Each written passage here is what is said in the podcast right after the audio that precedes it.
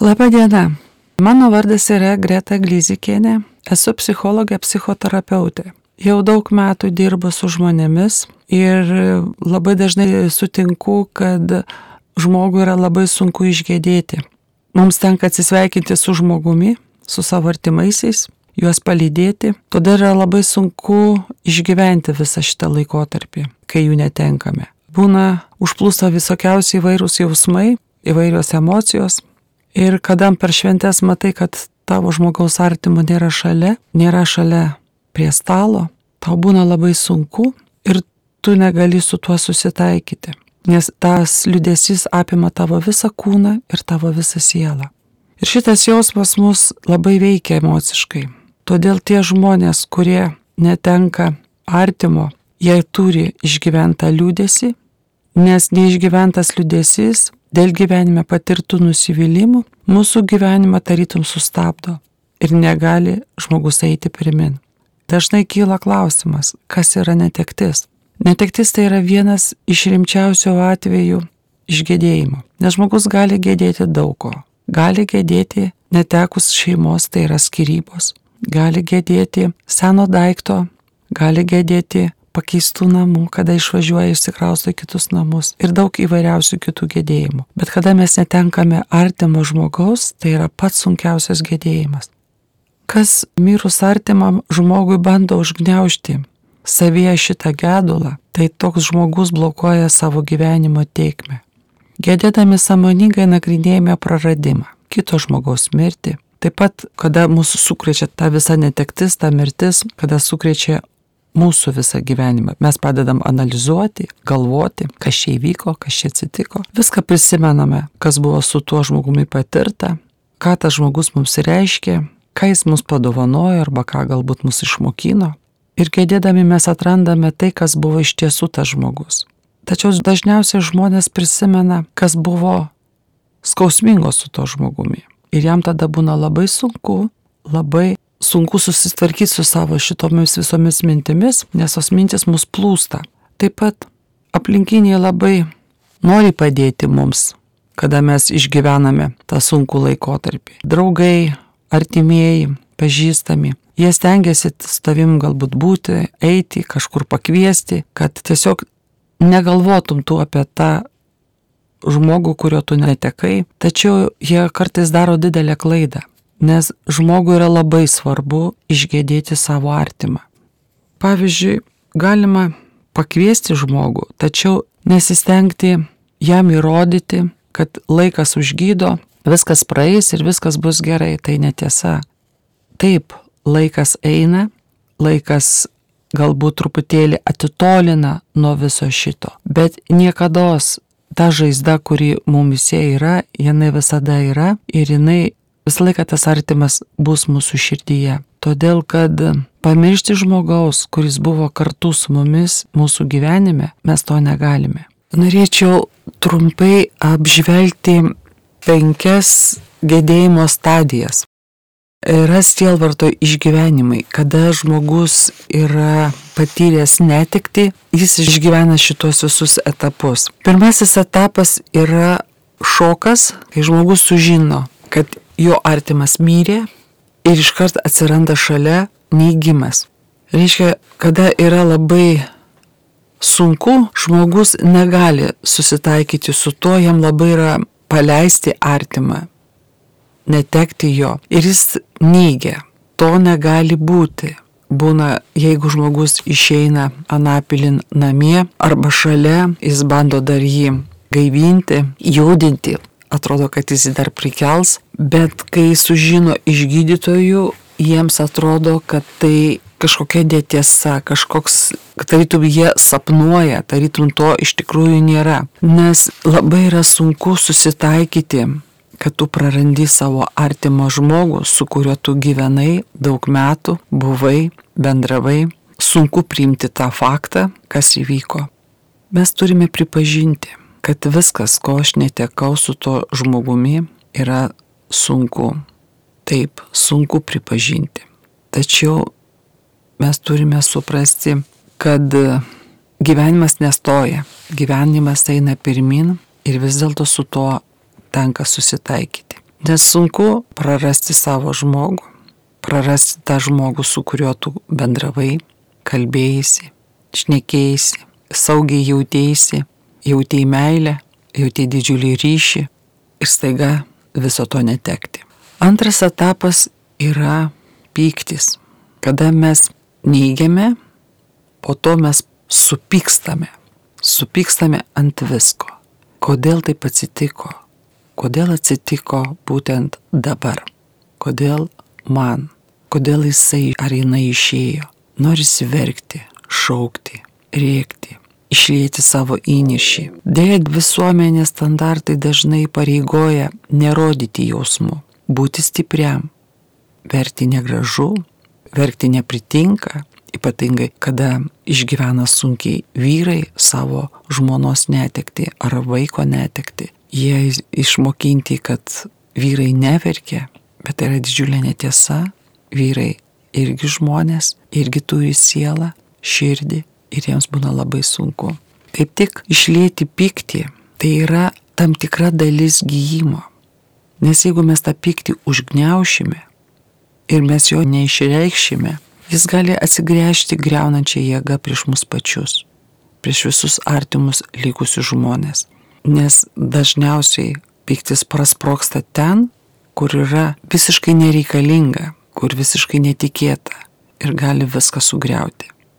Dažnai mes pykstame ant savęs, kad aš gal kažko dar nepadariau, negebėjau padaryti. Pykstame ant aplinkinių, kodėl jie buvo tokie abejingi. Man nepadėjo padėti mano tam artimui. Pykstame ant gydytojų, kad prastai prižiūrėjo. Ir galiausiai mes pykstame ant Dievo. Kodėl tu leidai tam žmogui mirti? Ir kartais žmonės nusigrėžia nuo Dievo. Tačiau Dievas niekada nenori žmogui blogo.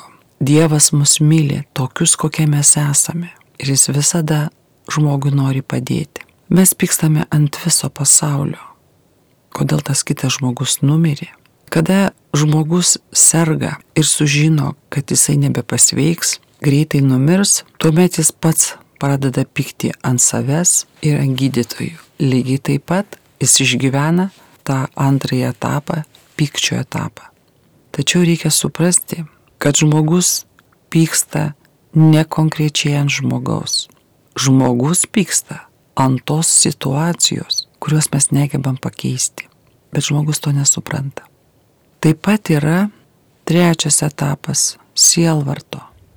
Etapas tai yra dėrėjimasis. Mes dažnai, kai kažko norime gauti ir mums yra sunku išprašyti, mes pradedam gudrauti, mes pradedam dėrėtis. Žmogus, kuris neteko ryšio su savo artimuoju, stengiasi jį dirbtinai sukurti ir palaikyti. Pavyzdžiui, laiko jo daiktus, nejudina, netvarko kambario, kuriame tas žmogus gyveno ir tarytum ten sustoja laikas. Pasilieka labai daug įvairių nuotraukų, apsistato savo kambarius, kuriame jisai būna, to žmogaus nuotraukų, gyvena kažkokiais prisiminimais. Tegul būna jie ir geri, bet jeigu žmogus visada prisimena ir gyvena tais prisiminimais, jeigu aplink jį yra daug nuotraukų žmogaus, kuris išėjo anapilin, jeigu ir netvarko kambarį ir daiktų jo nejudina, žmogus pats sustabdo tarytum savo gyvenimą. Jisai tarytum negyvena, bet egzistuoja. Bet tai yra savęs apgaulė.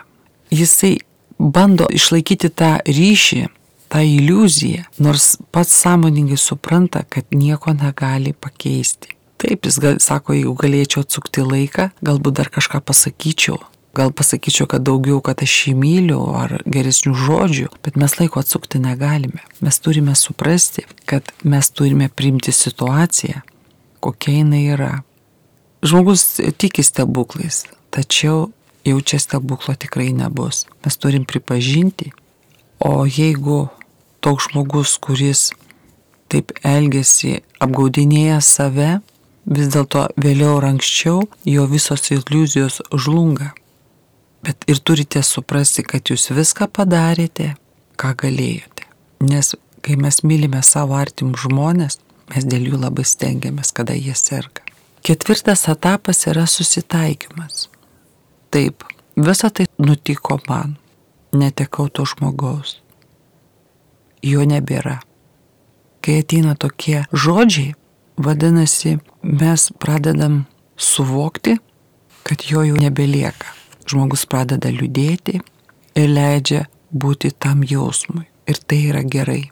Nors tai yra nelengva, nors ir kaip be būtų pripažįstame, tačiau kartais būna vėl grįžta tas piktis. Arba vėl derisi, ypatingai su Dievu. Derisi, kad padėtų, kad sugražintų tai, kas buvo anksčiau. Jei, pavyzdžiui, kažkokio kito ankstesnio etapo neišgyvenote, susitaikymas nejučia gali virsti depresija, kada kartėlį, bejėgiškumo jausmą mes nukreipiame patys į save. Nes tas didelis liudesys, perdėtas liudesys, mus labai pradeda valdyti. Nėra taip paprasta susitaikyti su visa šita situacija, kada mes žmogaus netenkame. Bet ateina laikas, kai mes suvokiame tai, išgyvename tą netekti, pripažįstame ir mes tampame savo gyvenimo šeimininkais. Vadinasi, gyvenimas nestoja, mes einame į priekį. Nuotaikos vis dėlto gali kaitaliotis. Kai kurios gyvenimo kliūtis pasirodys neįveikiamos. Privalote neleisti, kad gyvenimo aplinkybės išmuštų jūs iš vėžių. Penktas etapas yra priėmimas. Priėmimas ateina po susitaikymo, kad aš priimu tai, kas įvyko. Ir šitas etapas yra pasiekiamas tuo met, kai jau mes nebegyvename praeitimi ir nebesvajojame apie ateitį. Mes gyvename ir mėgaujamės dabartimi, kas vyksta su manimi. Mes nebedangstome savo jausmų, bet noriai juos išreiškiame. Jums ima patikti jūsų gyvenimas, aplinkui matote, kas vyksta, pamatote savo draugus, savo kitus žmonės artimus, brangius, pradedate norėti eiti į darbą, nebebijote žvelgti į save kaip į tokį, kuris prarado savo artimą, randate džiaugsmą ir naujų spalvų, bendraudami su kitais žmonėmis, įsijungiate į veiklą, kuri jums patinka. Jūs praeinate visus penkis etapus. Būtina prisiminti, kad minėto sielvarto etapai ne visada seka vienas paskui kitą chronologiškai. Vienu kažkuriuo klausimu galite būti prieimimo etape, kitų klausimų - pykčio ar neigimo. Tie etapai gali kaitaliotis. Vieną kartą būnate viename, kitą kartą būnate kitame. Gali būti net kaitaliotis jie ne skirtingai dienomis, gali būti net jaustis vieną valandą čia neigiai, čia pat supikai paskui pasidėrėjai ir vėl pyksti ir neįgy, kad taip negali būti. Tačiau tai yra normalu, nes gedėjimas kiekvienam žmogui yra skirtingas. Kiekvienas žmogus gedi skirtingai. Vienam reikia išgėdėti metus, kitam du, trečiam gal tris, o kitam galbūt pusę metų, jeigu jisai su tuo labai iš anksto jau taikėsi ir buvo tam pasiruošęs. Būna, kad gedintysis apie mirusį labai daug šneka kalba. Ir mums kartais gali būti pabosti, nusibosti, nemalonu būti su tokiu žmogumi. Bet žinokite, jeigu jis šneka, vadinasi, jam taip reikia, turi tam poreikį. Todėl mes turime būti kantrus ir jeigu šalia esame to, kuris išgėdėjo, ne artimo netikti, vadinasi, mes turim jam padėti. Reikia suprasti, kad jeigu mes gedime kažko, kažkokio žmogaus, ko netekome, reiškia, mes jį labai mylėjome. Buvo tokia meilė, toks artumas, kad yra poreikis kalbėti apie tai. Žmonės yra labai priraišus vienas prie kito ir tai mums yra labai svarbu. Kai mes buvome su tai žmonėmis, kurių netekome, kurie mums suteikė daug dalykų, jie mums galėjo suteikti ir saugumą, ir pasitikėjimą, ir gerus prisiminimus, turime su jais. O kai mes jų netenkame, atrodo, kad visas pasaulis slysta tau iš pokojų ir mes jaučiamės blogai. Mums sunku. Pagalvokime, kiekvienas apie save, kai mes kažko netekome, kaip mes tada jautėmės. Ir kada mes būnam šalia tokio žmogaus, kuris gedė savo artimo ir kai jis prisimena apie jį, mes galvojame, kad su juo galbūt yra kažkas negerai, kai jis per daug apie jį šneka.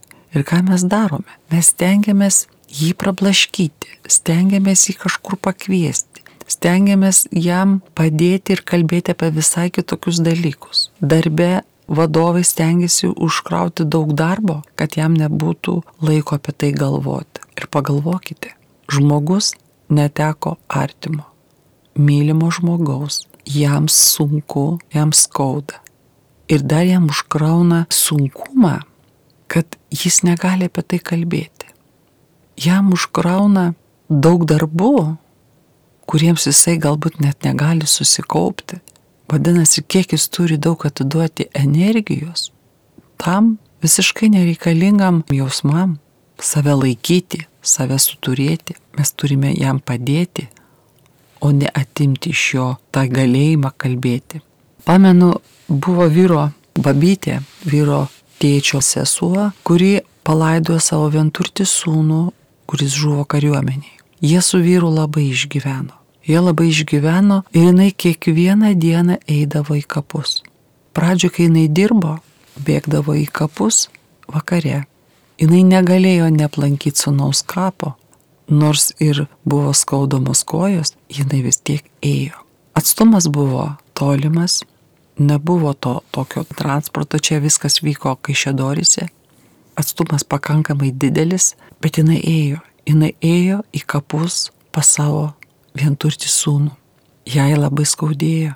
Jai dar labiau pradėjo skaudėti, kai pradėjo išgirsti darbuotojus šnypždančius. Reikia padėti jai, nes jinai išprotės. O jinai tiesiog norėjo būti su savo sunumi. Kai jinai išėjo į pensiją, jinai eidavo du kartus į kapus. Iš ryto papusryčiaus ir vakare. Vyras eidavo vieną kartą su ją, jinai eidavo du kartus. Jie ten turėjo suoliuką, jie ten sėdėdavo ir kalbėdavo su savo sunumi. Ir tai parodo, kad mes negalime uždrausti žmogui gėdėti. Jei gėdėjimas užtruko ilgai, nes jinai prie žmonių nenorėjo apie tai kalbėti, nes žinojo, kad žmonės juokiasi. Jis eidavo tik į bažnyčią, melzdavosi, eidavo iš pažinties ir pripažindavo, kad jinai galbūt ir negražiai elgis nekalbėdama žmonėm, bet jin suprato, kad jin kitaip negali. Ir va todėl jį užsitėsė gėdėjimas, kadangi nebuvo žmonių, kurie jie būtų išklausę. Dabar viskas vyksta daug greičiau. Gyvenimas labai pasikeitė. Žmonės nebemoka atsisveikinti su savo artimu, gėdėti. Mes pripratę neikti pačią mirtį. Tokia yra vakarietiška kultūra. Greitas gyvenimo būdas, malonumų siekimas ir vengimas nemalonumų. Mes bėgame ir vengiame kalbėti apie senatvę, apie skausmą, apie mirtį. Viskas pasidarė tarytum tabu. Nekalbėkim nereikia, nenoriu.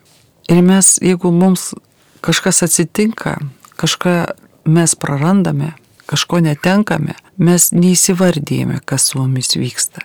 Mes bėgame pas gydytojus, prašom vaistų, prašom antidepresantų, kad mums greičiau ir lengviau būtų galima įsijungti į darbus, kad galėtume išsimiegoti, juos geriame ir stengiamės apie tai negalvoti. Tačiau visa tai mumise yra ir visada pratrūksta pačių netinkamiausių momentų. Ir mes tą turime žinoti ir turime tai suprasti. Mes turime patys savo padėti. Kitaip nėra. Žmogus nėra geležinis. Vėliau ar anksčiau viskas pratrūks. Ir mes niekur negalime pabėgti nuo savęs. Susikaupęs sunkumas gali sprokti pačiu netinkamiausiu momentu gali būti geri įvykiai, o vienas žodis, kuriuo galbūt užteks perpildyti skausmo stikliniai, sproks. Ir tada mūsų gyvenimas tampa labai sunkus, labai daug dalykų pasikeičia, nes mes patys savo pakenkėme. Mes apžvelgėme visus šituos penkis etapus Ir tai, kad žmogus išgyvena sunkiai, netikti, kad jam nėra taip lengva, tai yra visiškai normalu ir priimtina. Todėl mes turime išmokti pažiūrėti tiesiai į akis. Neveltui viešpats sako, tik tiesa mus padarys laisvus. Nemeluokime savo, padėkime savo. Išspręsti tas problemas, kurios mumise susikaupė. Žmonės, kurie neteko savo artimą, jie paprasčiausiai liūdį, jie turi išliūdėti, jie nenori bendrauti, jie nenori būti triukšme, jie nenori kartais daryti to, gal galbūt kartais yra būtina tai daryti. Ir žmogus gali net neišeiti iš to skausmingos sustingimo, prislėgtumo ar tos tokios depresiškos būsenos. Jo galbūt nedomina dabartiniai gyvenimo įvykiai, yra prarandami interesai, dažnai prisimena ir apmasto, beskirsto savo gyvenimą, koks buvo iki išėjimo to žmogaus ir po tos netekties. Jie išgyvena šitą skausmą. Ir visi draugai, kurie nori pagelbėti, jie turi suprasti, kad šitą skausmą žmogus turi išgyventi. Nuo to skausmo nepabėgsi, jo negalima ignoruoti. Ilgas ir didelis skausmas išvargina net ir pati kantriausią žmogų. Todėl nuo tos įtampos žmogus kartais netenka ir tų pačių ašarų, negali verkti, nes jam yra labai skaudu. Tačiau tai žmogus turi suprasti, kad šita būsena yra visiškai normali, kad taip turi būti, nes tai yra vis dėlto netekimas artimo žmogaus. Vis dėlto kaip su tuo susitvarkyti? Ką reikėtų žinoti aplinkiniams, kad jie to žmogaus nespaustų? kad jam tiesiog galbūt geriau duoti laiko su to susidėlioti. Taip, priimti netekties realybę reikia laiko. Kaip minėjau, kad laikas tik atitolina visą šitą skausmą, kada mes vėliau pradedam žiūrėti į tą momentą, kada netekome žmogaus, pas mus ateina geri prisiminimai su tuo žmogumi, bet tai yra po tam tikro laiko. Ir nėra nei vieno tinkamo būdo gedėti kiek yra žmonių, taip kiekvienas skirtingai geba išgebdėti tą skausmą. Ir niekas negali pasakyti, kiek gali trūkti gėdėjimas. Kada gėdėjimas užtrunka daugiau nei tris metus, tada reikia susimastyti, galbūt tada reikalinga ir jau medikų pagalbos. Bendraujant su gedinčiuoju, reikia jam paaiškinti apie tą visą gėdėjimo procesą ir padėti jam suprasti, iš ko susideda gėdėjimas net yra tam tikri etapai gedėjimo. Dažnai gedintieji išsigasta savo emocijų. Jiems atrodo, kad jie gali išprotėti. Bet jiems reikia ir paaiškinti, kokiu fiziniu, emociniu ir kognityviniu reiškiniu reikia tikėtis gedėjimo metu. Mes turime kultūrinę problemą, kuri mums neleidžia pykti. Ypatingai vaikams. Juk jeigu mes netenkame artimo žmogaus, mes išgyvename tą skausmą, bet mes niekad nepagalvojame, kad vaikai taip pat išgyvena. Kai miršta tėtis, vaikai supranta, kad tėčio netekimas yra. Bet kai miršta seneliai, vaikas irgi išgyvena. Todėl, kad jisai galbūt daug laiko praleido su seneliais. Kiekvieno artimo išėjimas, kaip suaugusi, taip ir vaiką paliečia. Ir vaikai turi teisę pykti. Nes piktis tai yra gera emocija. Mes labai dažnai sakome, vad pykti blogai, pykti negerai. Dėja, piktis yra gera emocija, nes tai yra tarytum gynybinė reakcija ir tai rodo, kad mes jau galim pereiti ribas, tačiau kada mes tos ribos neperiname, piktis mus gali motivuoti, gali padėti daug ką pasiekti. Tačiau pikti reikia išreikšti. Nereikia laikyti savyje, tačiau jį reikia išreikšti. Ir vaikai tai moka daryti. Svarbu net reaguoti į jų pyktį savo pikčiu. Pauglių diapazonas yra toks, kad jie negali liūdėti, jie negali verkti. Jeigu jie tai daro, tai yra gerai. Juos reikia palaikyti. Bet daugumas paauglių, jie klauso trankę muziką, jie šaukia, barasi, rėkia. Taip jie išleidžia savo skausmą. Ir visi artimieji turėtų suprasti savo vaikus, nes jiems irgi yra skaudu. Šiais laikais labai daug kas atsisako šarvuoti žmogų salėje ir iškart veža kremuoti. Mes turime suprasti vieną dalyką, kad laidotuvės yra labai svarbus ritualas. Tai yra tas procesas, kuris padeda išgyventi mums gedėjimą. Kada žmogus būna pašarvotas, tai parodo, kad jo gyvenimas buvo, jis gyveno gyvenimą ir jis baigėsi. Ir mes tai turime suprasti, kad tai yra svarbus gedėjimo procesas.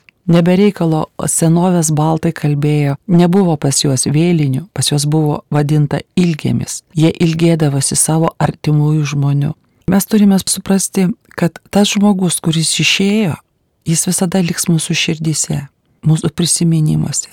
Ir kada mes atsigausime, mes prisiminsime, kaip aš jau minėjau, gerus dalykus. O kas padeda išgyventi visą šitą sielvartą? Pirmoje mes turime susitaikyti mintimis, kad mes to žmogaus netekome ir kad ištinka netekti visus žmonės.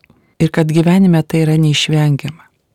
Mes tik tai turime suprasti vieną dalyką. Kada vaikai laidoja tėvus, tai yra tarytum taip turi būti. Bet neduok Dieve, jeigu reikia laidoti savo vaiką, tai yra labai sunkus momentas, nes motinos širdis plyšta.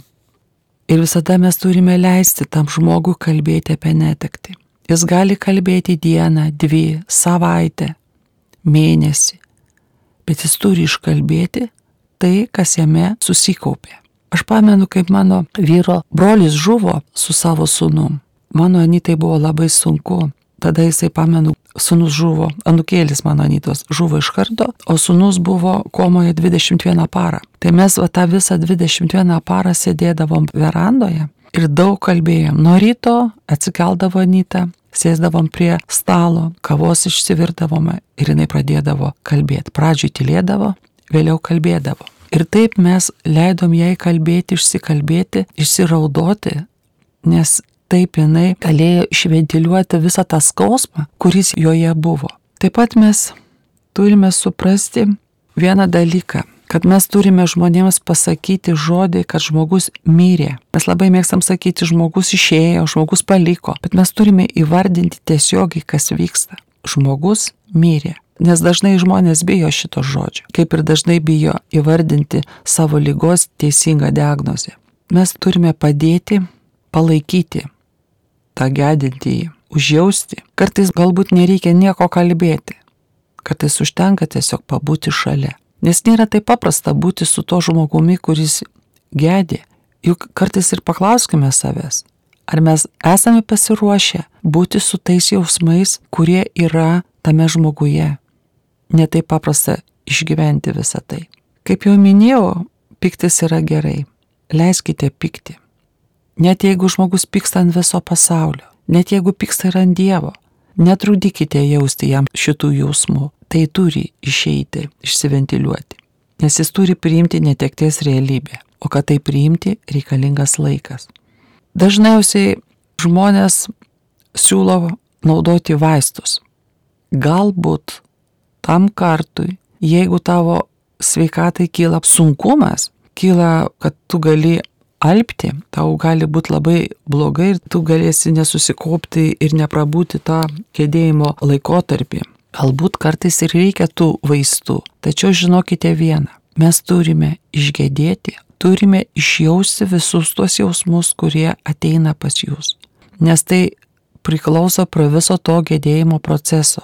Neužblokuokite savęs vaistais, nes paskui, kada mes ištisai vartojame, kad mums būtų gerai, kad būtų ramu, kad galėtume mėgoti, kad galėtume į darbą, kada tie vaistai, jų vaistų visai nebenaudosite, paskui gali sprokti bomba visiškai netinkamoje situacijoje.